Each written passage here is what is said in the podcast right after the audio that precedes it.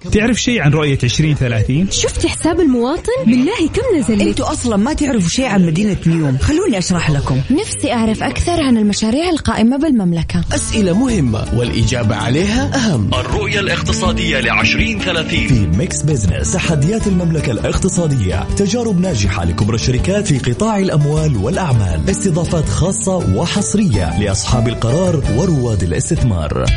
الآن Mix Business مع جمال بنون ومازن كرامي على Mix FM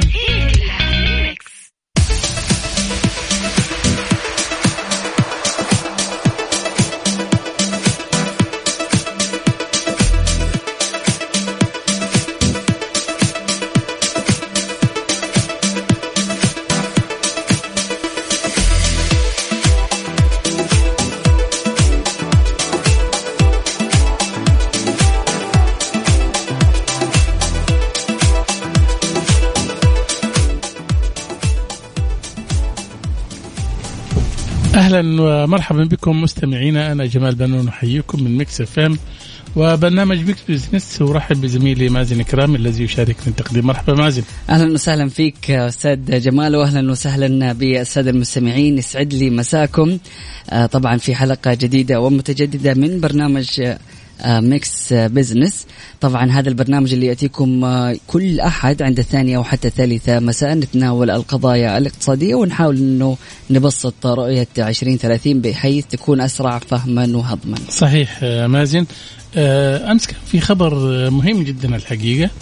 آه، يهم آه، قطاع الأعمال والمؤسسات والشركات آه، ل- لعمالتها اللي سافرت في تأشيرة خروج آه، ولم تتمكن من العودة نتيجة آه، جائحة كورونا وتعليق الرحلات. طبعا آه، صدرت توجيهات خادم الحرمين الشريفين الملك سلمان بن عبد العزيز بتمديد صلاحية الإقامة والتأشيرات مجانا في الدول المعلق القدوم منها. طبعا بالفعل بدأت المديرية العامة للجوازات بتمديد صلاحية الإقامات للوافدين الموجودين خارج المملكة وتمديد صلاحية تأشيرات الزيارة وتأشيرات الخروج والعودة وذلك آليا من دون رسوم أو مقابل مالي إلى تاريخ 25 أربعة من عام 1443 الموافق 30 11 2021 صحيح يعني آه، 25 أربعة يعني في ربيع آه، ده إحنا الآن في صفر صح؟ إحنا في شهر صفر صح. الهجري يعني شهر اثنين. إيه. المفروض والله يعني الواحد إيش سبحان الله رايح الميلاد. كل فرنجة. بالضبط. طيب لو جينا للفرنجي في تاريخ آه، في تاريخ 30 11 مهم. نحن الآن في شهر 9 تسعة. سبتمبر. صحيح. آه، كمان قدامنا شهرين. شهرين تقريبا. وحتنتهي المهله وممكن تمدد إذا ما تم يعني احتمال يعني. آه، يعني تمدد في حال إنه لم يتم آه، يعني آه، إلغاء التعليق. الموجود على هذه الدول. آه، ويأتي هذا التمديد طبعا اللي يصدر وزير المالية في إطار الجهود المتواصلة التي تتخذها حكومة المملكة للتعامل مع آه، آثار وتبعات الجائحة العالمية آه، وضمن الإجراءات الاحترازية والتدابير الوقائية التي تضمن سلامة المواطنين والمقيمين وتسهم في التخفيف من الآثار الاقتصادية والمالية، طبعا أنت لاحظت مازن يعني في كثير يعني يعني سواء عماله منزلية أو عماله في محلات جات إنهم يعني أيام ما كانت مفتوحة طبعا أو كانت يعني مفتوحة آه السفر يعني راحوا ولكن بعد ما صدرت التعليمات بإيقاف الرحلات وكل شيء تعطلوا ما هم قادرين. في ناس كثيرة وصاروا هم هنا موجودين بس هو يعني رب الأسرة سافر برا. صحيح. فمو قادر يرجع. فبالتالي يعني آه، هذه أنا أشوفها مكرمة الحقيقة من الحكومة السعودية إنها آه، تنظر في أوضاع هؤلاء يعني الموظفين المقيمين بنظرة إنسانية يعني. فعلا ويعني صراحة جهود آه، الجوازات في هذا العمل يعني دور كبير. وصراحة كل الشكر أوجهه لسعادة اللواء الركن سليمان اليحيى المدير العام للجوازات يعني على كافة ما يقدمه خ- آه، صراحة من خدمات واجتهادات مقابل مكافحة آه، آه، أزمة كورونا. نعم صحيح. ناخذ فاصل ونرجع. من بعده أكيد متواصلين. Mix Business مع جمال بنون ومازن كرامي على Mix FM هي كلها في ال mix.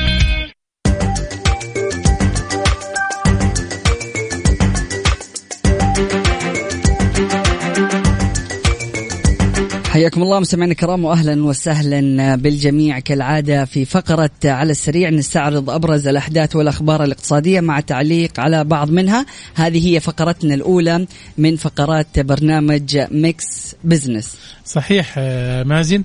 آه، خلينا نذكر السادة المستمعين بفقرة البرنامج كمان إنه آه، إحنا طبعا عندنا يعني كالعادة فقرة على السريع نستعرض طبعا أبرز الأحداث والأخبار الاقتصادية مع تعليق طبعا عليها. وفي فقرة حسبة ونسبة اللي هي كل أسبوع إحنا بناخذ فيها آه، يعني آه، آراء الناس من خلال تويتر الاستفتاء اللي بنطرحه. آه، اليوم حاطين سؤال آه، نبغى نعرف ردود الأفعال عندهم في آخر الحلقة. آه، عزيزتي الشابة وعزيزي الشاب أين تمارس أنشطتك الرياضية؟ هل في نادي رياضي؟ هل في المنزل؟ هل في الحدائق والمنتزهات؟ طبعا الحدائق والمنتزهات تشمل المم الممشى يعني أيوه. الممشى أو أي ممشى أو في بعض المنتزهات أنا شفت فيها معدات رياضية موجودة بالضبط ونفس الوقت يكون فيها ممشى يعني صحيح ممتاز أنا أقول لك الحقيقة آه، الإقبال على ال- الصالات الرياضية هنا عندنا مبالغ. آه، في الخارج عادة يعني آه، ناس قليل اللي بينضموا في الأندية هذه. شايف؟ آه، ولكن معظمهم في الحدائق والمنتزهات لانها مزودة بكل الأدوات الرياضية الموجودة. صحيح. لكبار السن للمشلولين للمعاقين وللأطفال وللشباب لكل يعني فئات المجتمع موجودة في هذه الحدائق والناس بتحافظ عليها. بالضبط. أنا لاحظت الحقيقة في الحمراء وفي الكورنيش في بعض الأماكن موجودة هذه المعدات الر- الرياضية والناس بتمارس حتى في بعض الاحياء موجود فيها. صحيح.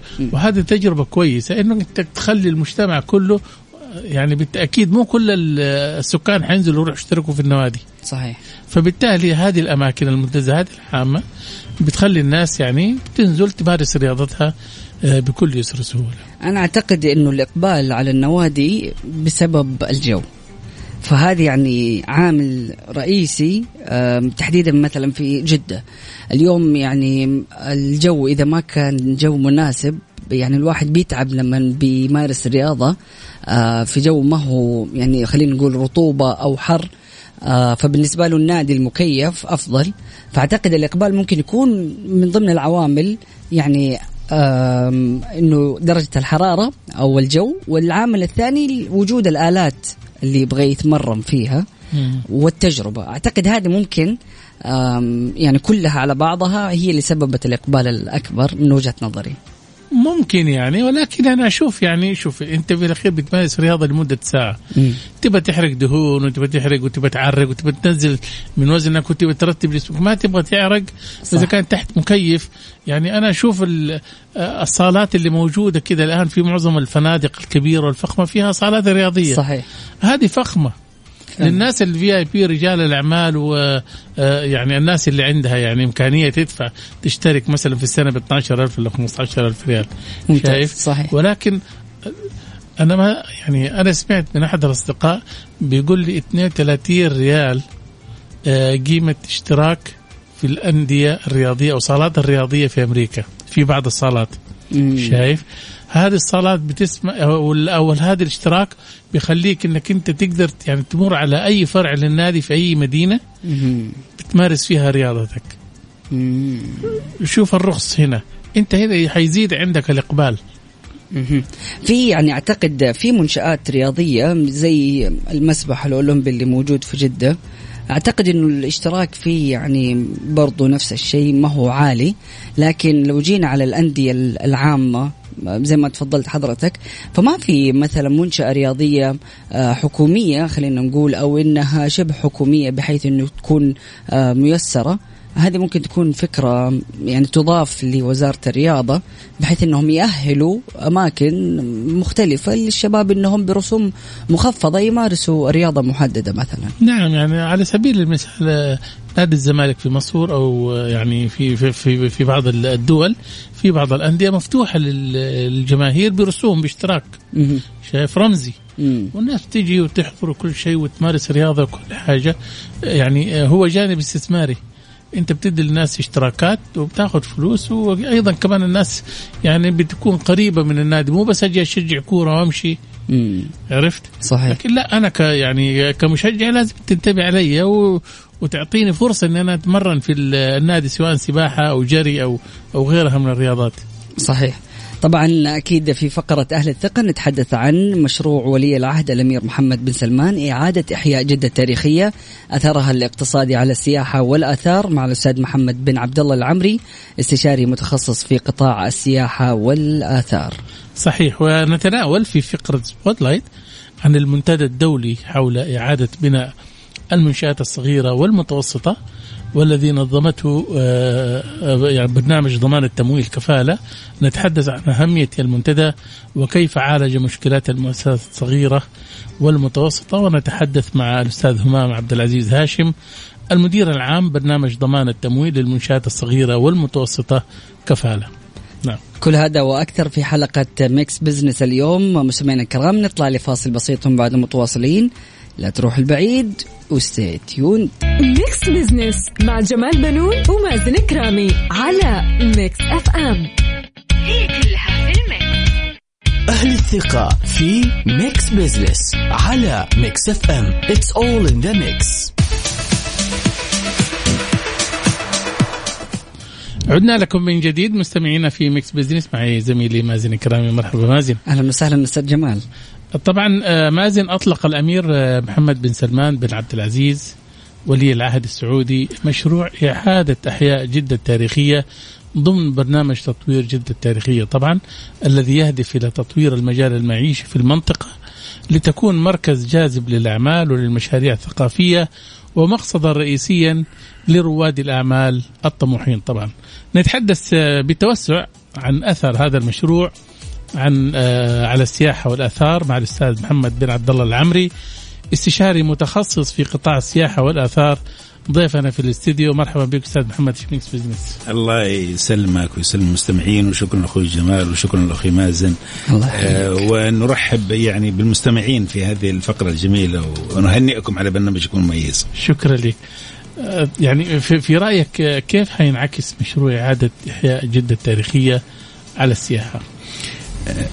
الحقيقة يعني إن تحدثنا عن الموضوع هذا في يمكن الكثير يستغرب آه إنه المسمى في العادة آه كان مثل المشاريع هذه تسمى تطوير آه إنشاء تنمية أو شيء من القبيل، لكن هذا المسمى عميق الحقيقة اختيار سمو ولي العهد للمسمى إعادة إحياء.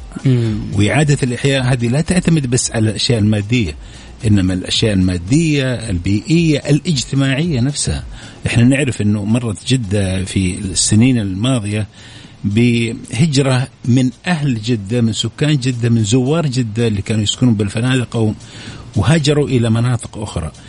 حل محلهم فئات معينة. إعادة الإحياء هذا يعني يعني نقدر نقول تطوير المنطقة بالمفهوم الشامل. إعادتها إلى ماضيها. إذا تحدثنا عن جدة التاريخية نحن لا نتحدث عن وسط بلد في مكان معين أو في مدينة معينة. نحن نتحدث في مدينة المدينة الوحيدة على ساحلي البحر الأحمر التي لا زالت تحتفظ بتراثها العمراني. وهذه قوة أصيلة. إذا ربطناها برؤية المملكة وتوجهاتها المستقبلية في تطوير البيئة في في من, من في المملكة العربية السعودية بشكل عام مجتمع حيوي اقتصاد مزدهر وطن طموح. طبعا هذه كل العناصر لا يمكن تتحقق إذا لم يكن هناك تكامل بين الجهات. إعادة الإحياء هذه لن تكون يعني فقط وزارة الثقافة اللي مشرفة عليها الآن لحالها ولكن شركائها كلها من القطاع العام القطاع الخاص صناديق الدعم الحكومي القطاع الأهلي وما إلى ذلك. أنا شخصيا يعني فخور بشكل كبير جدا بهذا الجانب بأنه إعادة إحياء وليس فعلا. تطوير. جميل وهذه أشياء إيجابية. نقطة جميلة جدا صراحة إنه فعلا. لكن أستاذ محمد يعني تكلمت أنا والأستاذ جمال تحت الهواء عن نقطة 15 سنة لإعادة إحياء. هل من وجهة نظرك تشوفها طويل يعني كثيرة ولا مناسبة؟ وكيف تعلق عليها يعني؟ شوف قد يمكن إحنا يعني نتحدث عن 15 سنة لكن أنا متأكد أنا ما ما طلعت على الخطة ولكني أنا متأكد من عمل وزارة الثقافة عمل الجهات المختصة عمل الناس اللي وثق فيهم سيدي سمو ولي العهد في هذا المشروع أنهم لن يتركوا العملية يعني تسير لمدة 15 سنة ثم يبدأ التطور، أنا أعتقد ستكون هناك مراحل ويمكن للزائر لجده الآن يشوف التطوير الهائل اللي صاير حول بحيرة الأربعين الممرات البنية التحتية وبالتالي هي ستو... أعتقد أنها ستكون على مراحل. الزائر اليوم لجدة آه، قبل حتى المشروع يطلق بالمسمى الجديد وإنما أطلق من سنتين بالتطوير آه، يشاهد آه، يعني تغيير جذري.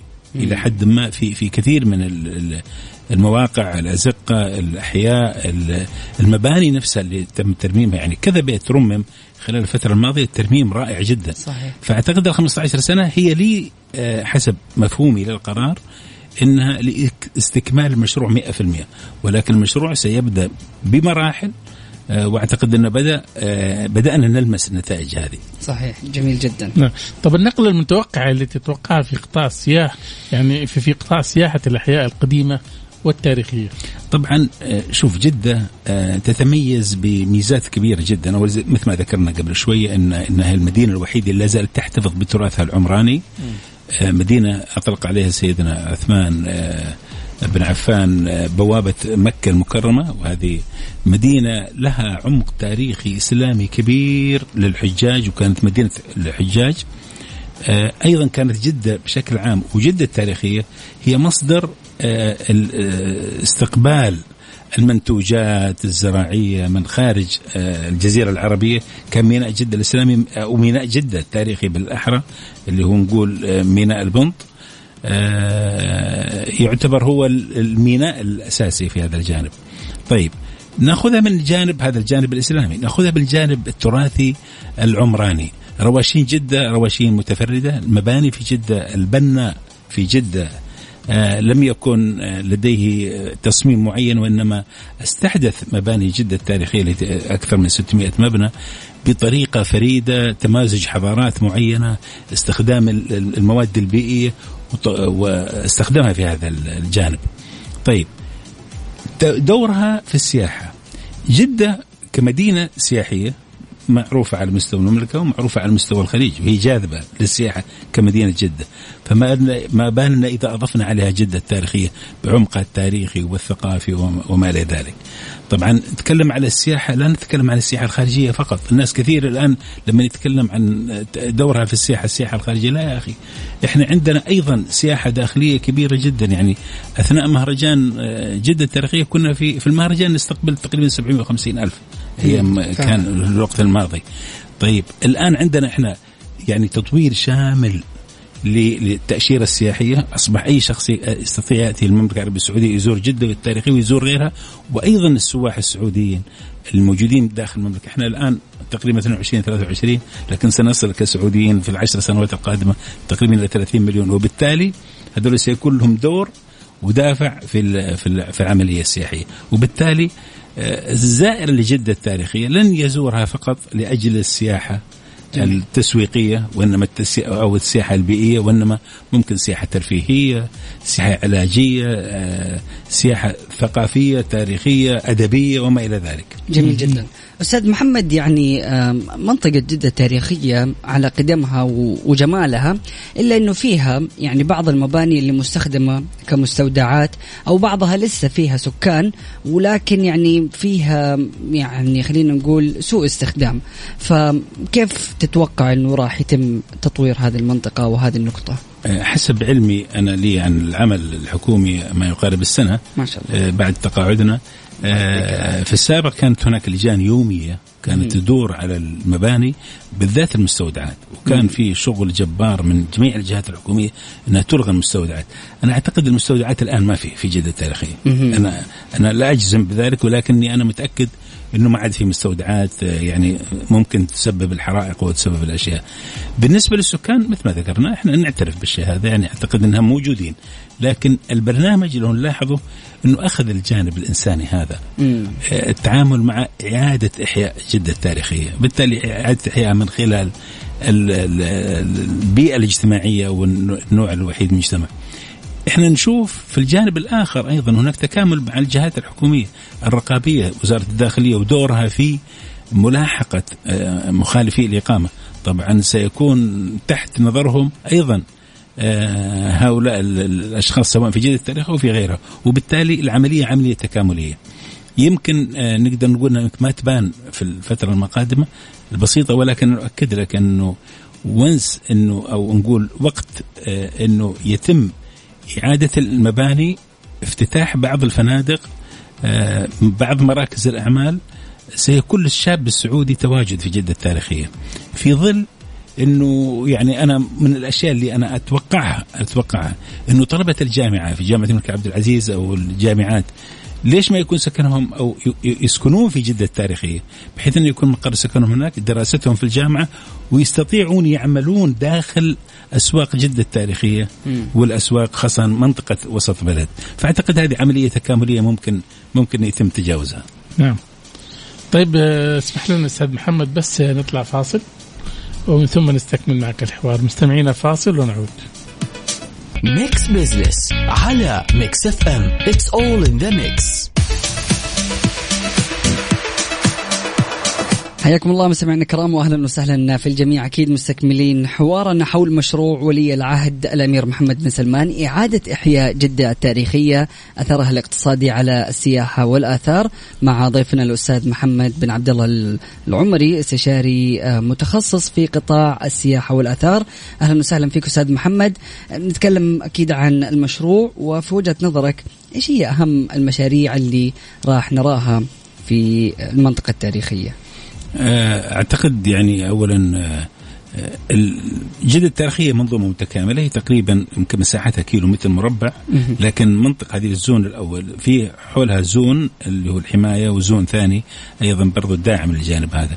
ال- اليوم إحنا لا نستطيع أن نتحدث عن جدة التاريخية دون أن نتحدث عن طريق الملك عبد العزيز أو المركز المدينة النابض التجاري وبالتالي هذه عملية متكاملة أعتقد أنه إحنا حنشوف خلال الفترة الماضية وبالذات الآن تطوير شارع الذهب تطوير سوق الندى وما إلى ذلك أعتقد هذه المشاريع اللي ستكون في القريب القادم آه، أيضا أعتقد أنه سنشاهد آه، هناك مشروع لسيدي سمو ولي العهد وهو مشروع الامير محمد بن سلمان لتطوير المساجد التاريخية. أكيد حيكون جده نصيب في هذا في هذا الجانب وبالتالي 36 مسجد تقريبا آه، الآن داخل جدة التاريخية آه، ستستفيد من هذا من هذا البرنامج إن شاء الله بإذن الله على مراحل طبعا حسب الخطة المعتمدة في البرنامج. آه، أعتقد إنه حيكون هناك تنوع إذا تحدثنا عن الأسواق اللي موجودة الحالية والأسواق الجديدة أو حتى الأسواق التاريخية إعادة احيائها من جديد.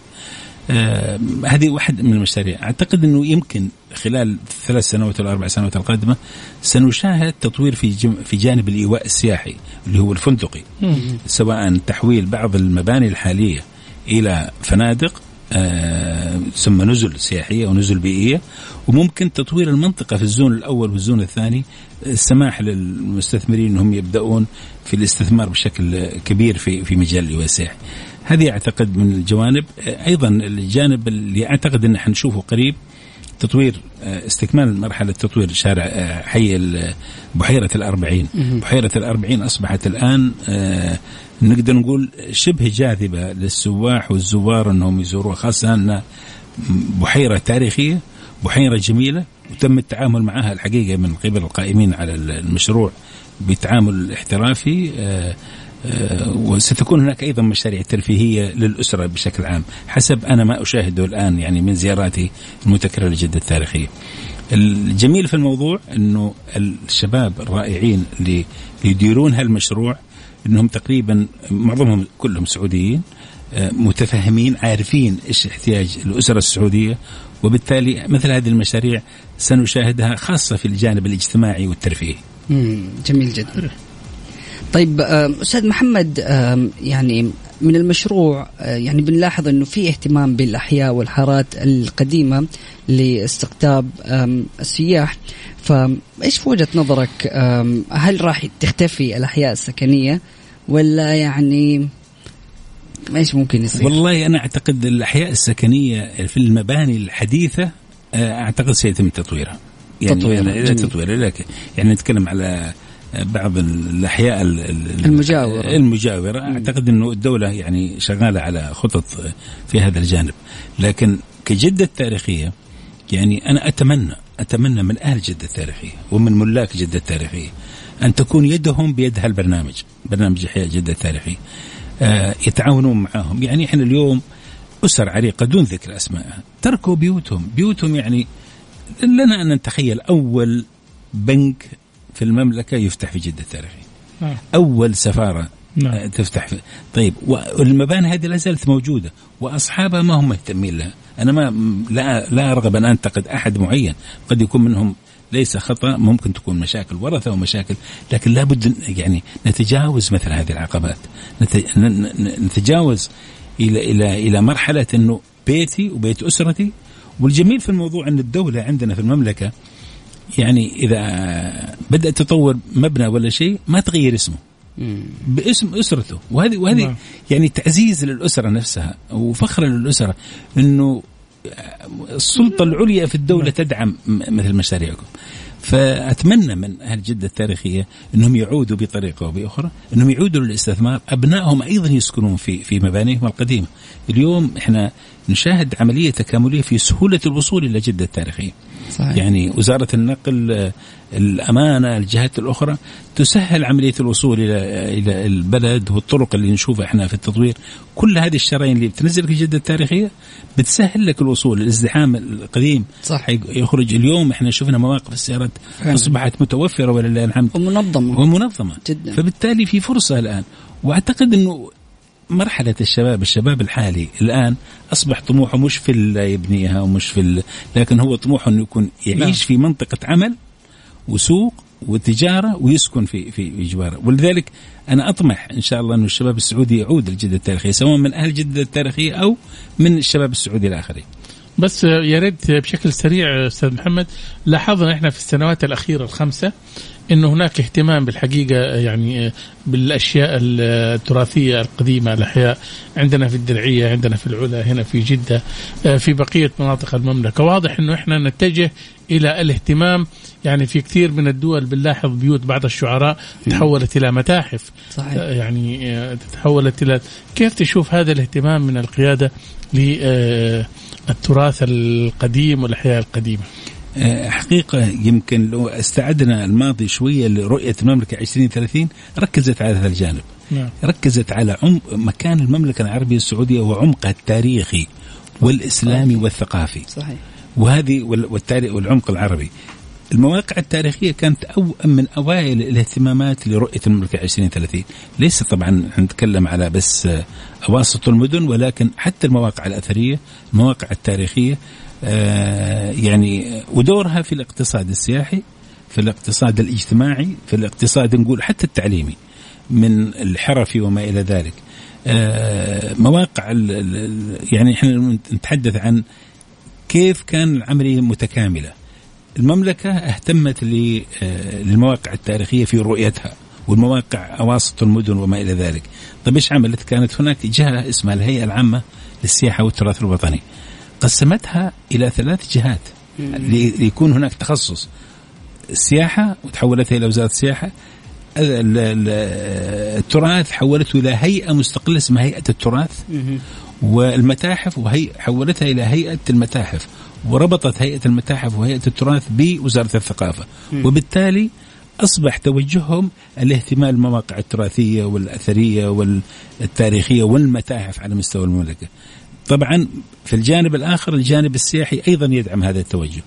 اليوم إحنا نتحدث مثلا زي ما تفضلت في في كثير من مشروع الدرعية وهيئة مستقلة و وشيء سيضع المملكة فعلا على خارطة نعم. العالم آه، الثقافي والاجتماعي والبيئي.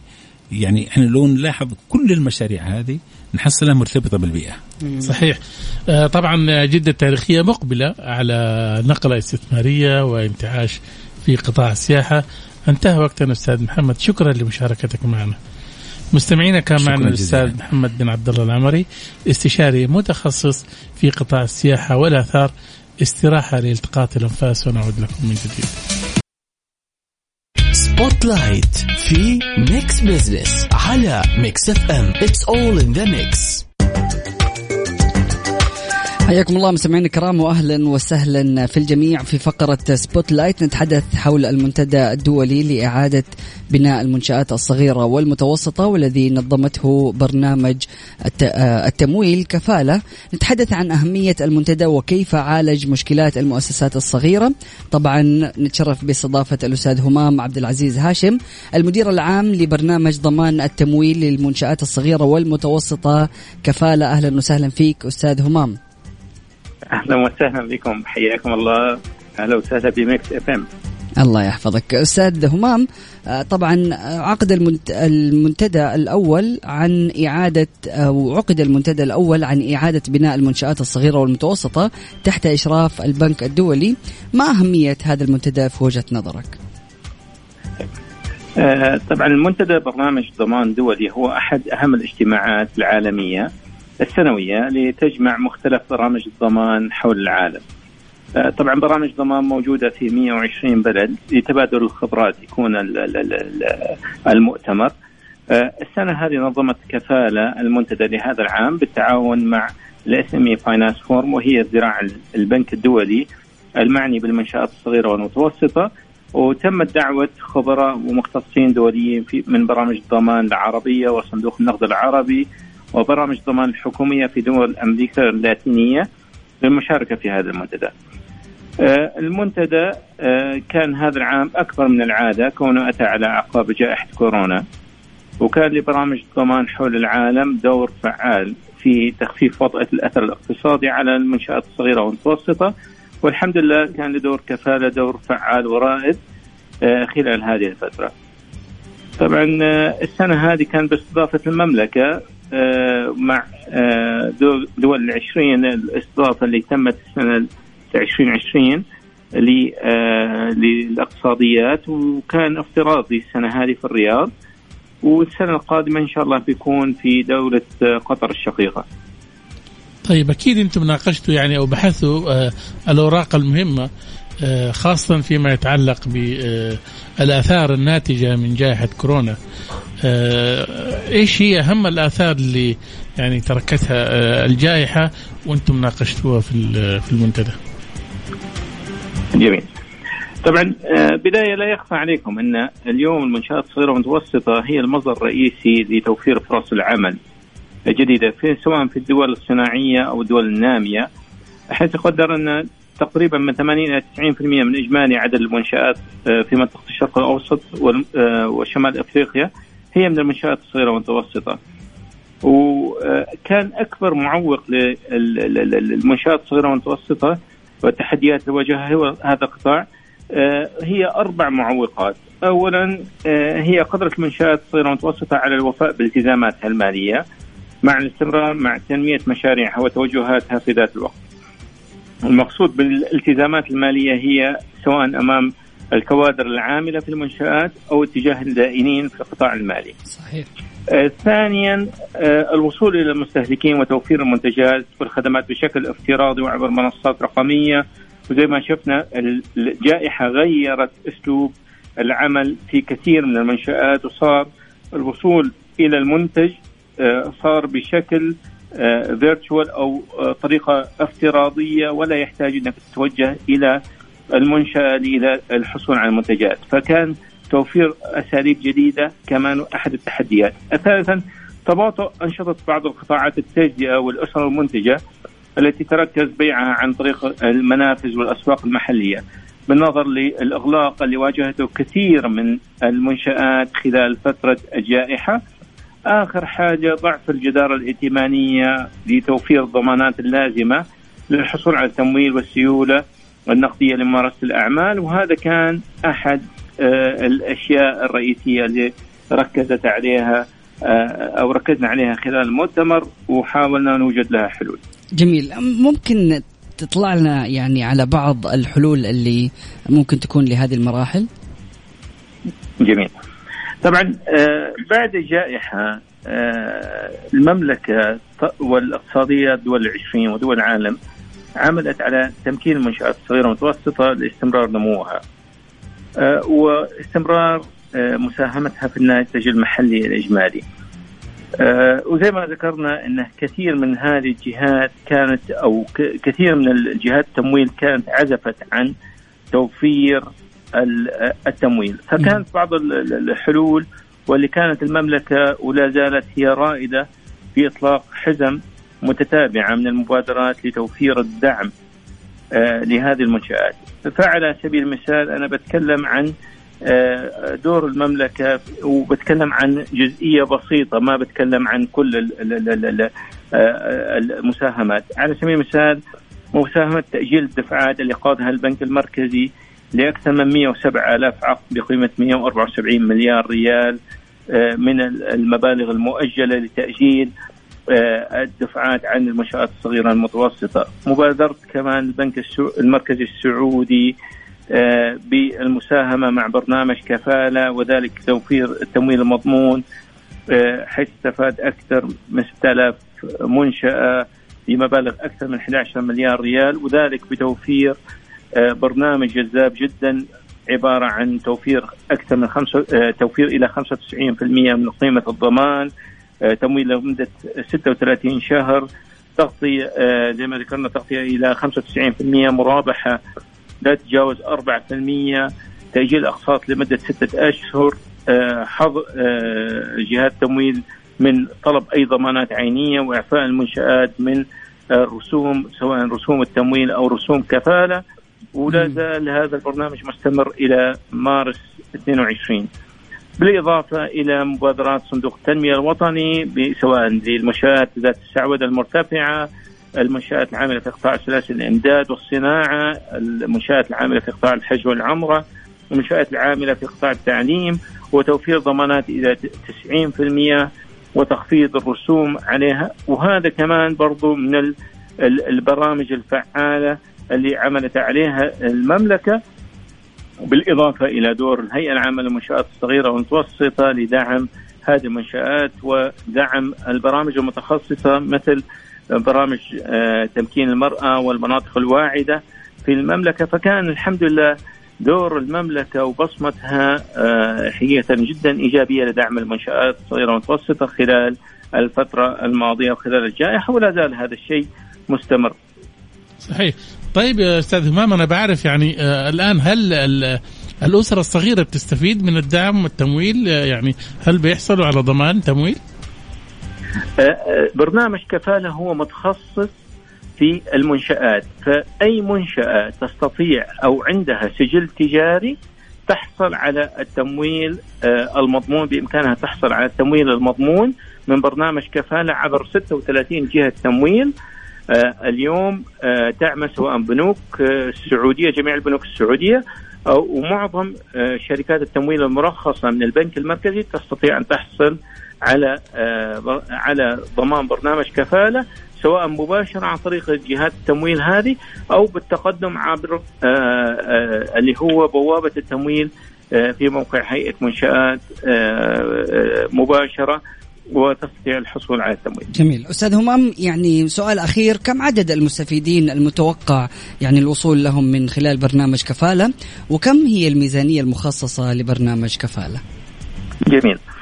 الحقيقة أنا خليني أعطيك فكرة برنامج كفالة هو عمره الزمني 15 عام ما شاء الله آه اليوم البرنامج نسب النمو فيه نسب غير غير مسبوقة من بداية البرنامج آه قيمة التمويلات اللي أطلقها البرنامج آه تتجاوز 53 مليار ريال. عدد المنشآت المستفيدة من برنامج كفالة من قطاع المنشآت الصغيرة والمتوسطة 12500 منشأة. إذا ذكرنا السنة الأولى لم تتجاوز 36 منشأة فإحنا نقدر نشوف كيف نسبة النمو. عام 2020 المنشآت اللي استفادت من برنامج كفالة تجاوزت 7300 منشأة.